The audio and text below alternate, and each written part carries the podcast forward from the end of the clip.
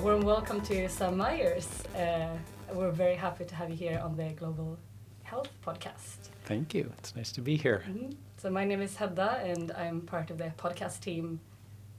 And my name is Hannah. I'm also part of the podcast team. And today we're actually uh, recording at the Berzelius Symposium from the Swedish Society of Medicine, uh, a symposium on planetary health.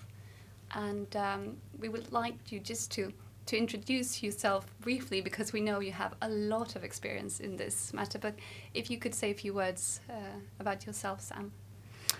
Great. Well, so my name is Sam Myers. I'm a principal research scientist at the Harvard School of Public Health, and I'm also the founding director of the Planetary Health Alliance, which is a sort of consortium of over 300 organizations now in over 60 countries that have come together both to sort of support the growth of this very transdisciplinary field of planetary health and also to help mainstream the sort of core ideas of planetary health out into the rest of global society.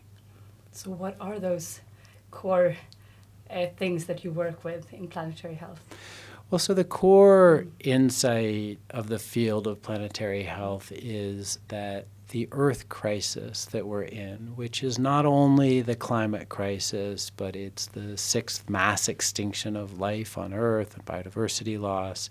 It's pollution of air, water, and soil. It's deforestation and degradation of marine systems. So, all the ways that human activity is really transforming all of the natural systems on the planet at accelerating rates.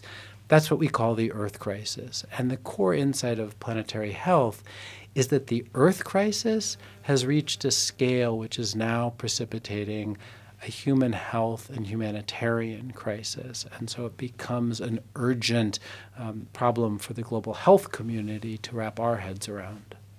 I think think um, you had a lecture earlier on the symposium, the, the first lecture of the whole symposium, and you said something that um, uh, so how is like increased water levels connected to hypertension? That is something that is like very clear how it can be connected. Um, can you explain that? Yeah, yeah. So that's an example that comes out of Bangladesh, and it was an example to support a larger point.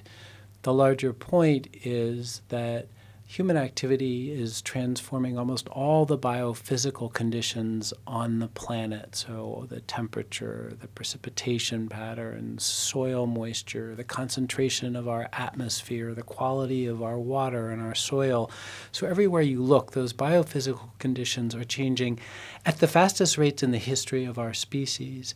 And as we change those conditions and change all of them at the same time, so sometimes I've compared this to like a monkey on a rocket ship that like for almost of all, all of our history we were all sort of passengers in this rocket ship. And then somewhere along the way it's like this monkey climbed up into the cockpit and just started turning dials and flipping levers and everything's changing really fast. But we don't actually know how to drive this rocket ship so all we're doing is changing everything. And the result is that we're going to see surprises. We're going to see unintended consequences that are mediated through these complex systems that we're changing. And so the example I gave was in Bangladesh, where the combination of more extreme storms and sea level rise and the reduction of coastal barrier systems like mangrove forests is leading to more and more saltwater intrusion from the oceans into low lying coastal areas and into the aquifers themselves. And the result is that water is, is having increased salinity. And what researchers have shown recent, recently is that that increased salinity correlates directly with the risk of preeclampsia in pregnant women and also with the risk of hypertension in adults in coastal Bangladesh. And so, again, this sort of combination of environmental changes is causing higher numbers of people to suffer from hypertension. And this is just one of the examples mentioned in how complex these issues are. And you also got the question if we should just focus on one specific matter, which I think you answered brilliantly. Um, and and the thing is that we cannot, right? We have to to work together and work more holistic. And how do you see, as a researcher, that we can go forward from now? how can we collaborate in better ways? Now you have a lot of experience from this uh, international network that you are yeah. uh, leading. Well, I think we need to break some of our old patterns. Um, one of our patterns is to look at the world in silos. It's the way we've organized our universities for 200 years. We have departments of geology and ecology and physics, et cetera.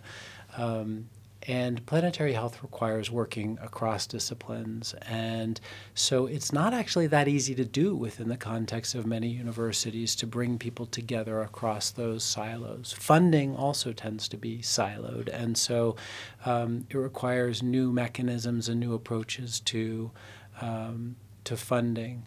It also requires that we, as physicians and other healthcare practitioners, move out of thinking about the world in terms of sort of curiosity driven or academic research, that we're puzzled by interesting problems and we want to solve them for intellectual reasons. Now we're in a moment where the world is on fire, where we have, you know, this generation to shift the course of global society or to find ourselves really moving over a cliff and so there is deep urgency to what we call the great transition, to a shift in the way we're living on the planet.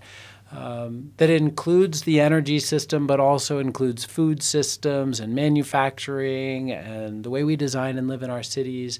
Um, and so, we as health practitioners need to expand, I think, our definition of what our job actually is in ways that is probably pretty uncomfortable for many of us, and not only expand it sort of thematically to include environmental sciences and protecting our planet's life support systems, but also expand it into sort of activist roles, into raising awareness, into helping to build movements, into helping to build power to push on governments and the private sector to drive that great transition forward. And so, if we truly want to take um, the Hippocratic oath of you know do no harm seriously, and if we truly want to try to safeguard human health and well-being into the future, then we're going to need to expand what we think of as our role, and we're going to need to start thinking about how we can help protect those natural life support systems. Absolutely, and I think as physicians we're kind of uncomfortable doing that because we're also so trained into the academia. So I'm not gonna like trespass what I've actually studied in, in university. But very, very important, as you say, also as we understand this interconnectedness and planetary health connected to human health. Yeah. Um, I have a few questions because we just like ran right into like the like planetary health and uh, and different perspectives on that. But I would also really like to get the opportunity to get to know you a little bit better. How come you like started work within planetary health in this field? Like, how was your journey there? Yeah, so it was a very sort of circuitous path. I, I'm not a, a poster child for a linear career path, but um, I, I've been very interested in nature and the natural world since I was a child. Um, in university, I was um, thinking about um, did I want to be a biologist or a wildlife veterinarian or a physician, but I was interested in these connections between nature and people going way back. And um, it was actually E.O. Wilson, who's a famous evolutionary biologist um, who just passed away, but he was a professor um, who I spent a lot of time with. And he sort of said, if you're interested in that intersection, go study medicine and then see if you can find the linkages. And um, so I went to medical school where there's a very strong school of forestry and environmental science, um, and spent most of my time actually socially with the forestry school, and um, most of my friends were in environmental science, and then went off to UCSF to do my medicine residency. Right in the middle of medicine residency, I was invited to live in Tibet uh, for two years to um, manage a project that was integrating um, primary health care and uh, natural resource management. And I was completely unqualified for this project, but they, they kept inviting me. And finally, I said, okay, I'll, I'll leave my residency and do that. Um, and that led to about six years after I, I worked in Tibet. I finished my residency. I went and worked at the U.S. Agency for International Development as a fellow. I worked for a group called Conservation International for two years, always looking sort of at the community level at this intersection of natural resource management, health, population, and ultimately decided that um, in the communities where I was working, they didn't need some white guy from Boston to be telling them that you know how they managed their natural systems was intimately connected to you know their children's health and well-being. Like they understood those connections so much more viscerally and profoundly than I ever could hope to. Their problem was that they had zero degrees of freedom in the decisions that they were making, that okay. they needed to feed their children tomorrow. So if they were using dynamite on their coral reefs or, you know, cyanide fishing, um, they knew that wasn't sustainable, but they didn't see any other options. And I, I started to get frustrated with trying to address the scale of the problems that we're facing kind of at the project level. And um, so I decided we actually needed a global field that was sort of taking on these questions of how anthropogenic environmental change, our transformation of the global environment, was coming back to affect human health and well being. And um, that there really needed to be an evidence base. There needed to be research as sort of the beating heart of that field. And so I had to figure out how do you do research in this kind of area. And so I, I went back to Harvard and did something called a, a general medicine fellowship, which involves doing your master's of public health and um, started to do research. And that's when I did the CO2 crop nutrient work that I was talking about, and then started to develop a research group. And we started to work on pollinators, and we worked on fires in Indonesia. And so we did a lot of research. And then it was in 2014 that the Lancet actually started to talk about this idea of global change in human health as a field that they wanted to christen planetary health. And so I was part of the commissioned report on on planetary health. And eh, that felt like a sort of really important sort of big bang moment when there was the opportunity with the Lancet and the Rockefeller Foundation giving this field that many of us had been sort of working in for years, giving it a name that we could coalesce around and that we needed a central sort of backbone organization that was going to help bring together, you know, what our educational approaches were going to be, what was our knowledge base, who was our community of practice, how did we convene them across disciplines, and so that's why we created the Planetary Health Alliance. Wow, that's quite a journey. Yeah.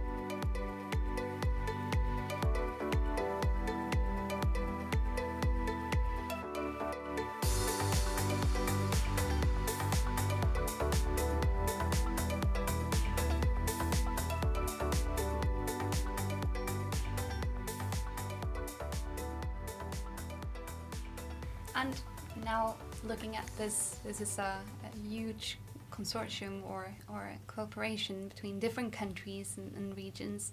Um, do you bring any of the experience with you? You say that you had coming um, from one country to another, um, speaking about also how we can be perhaps advocates, but at the same time open minded to different issues in different parts of the world and how do you see this um, uh, reflected now in your work? Yeah.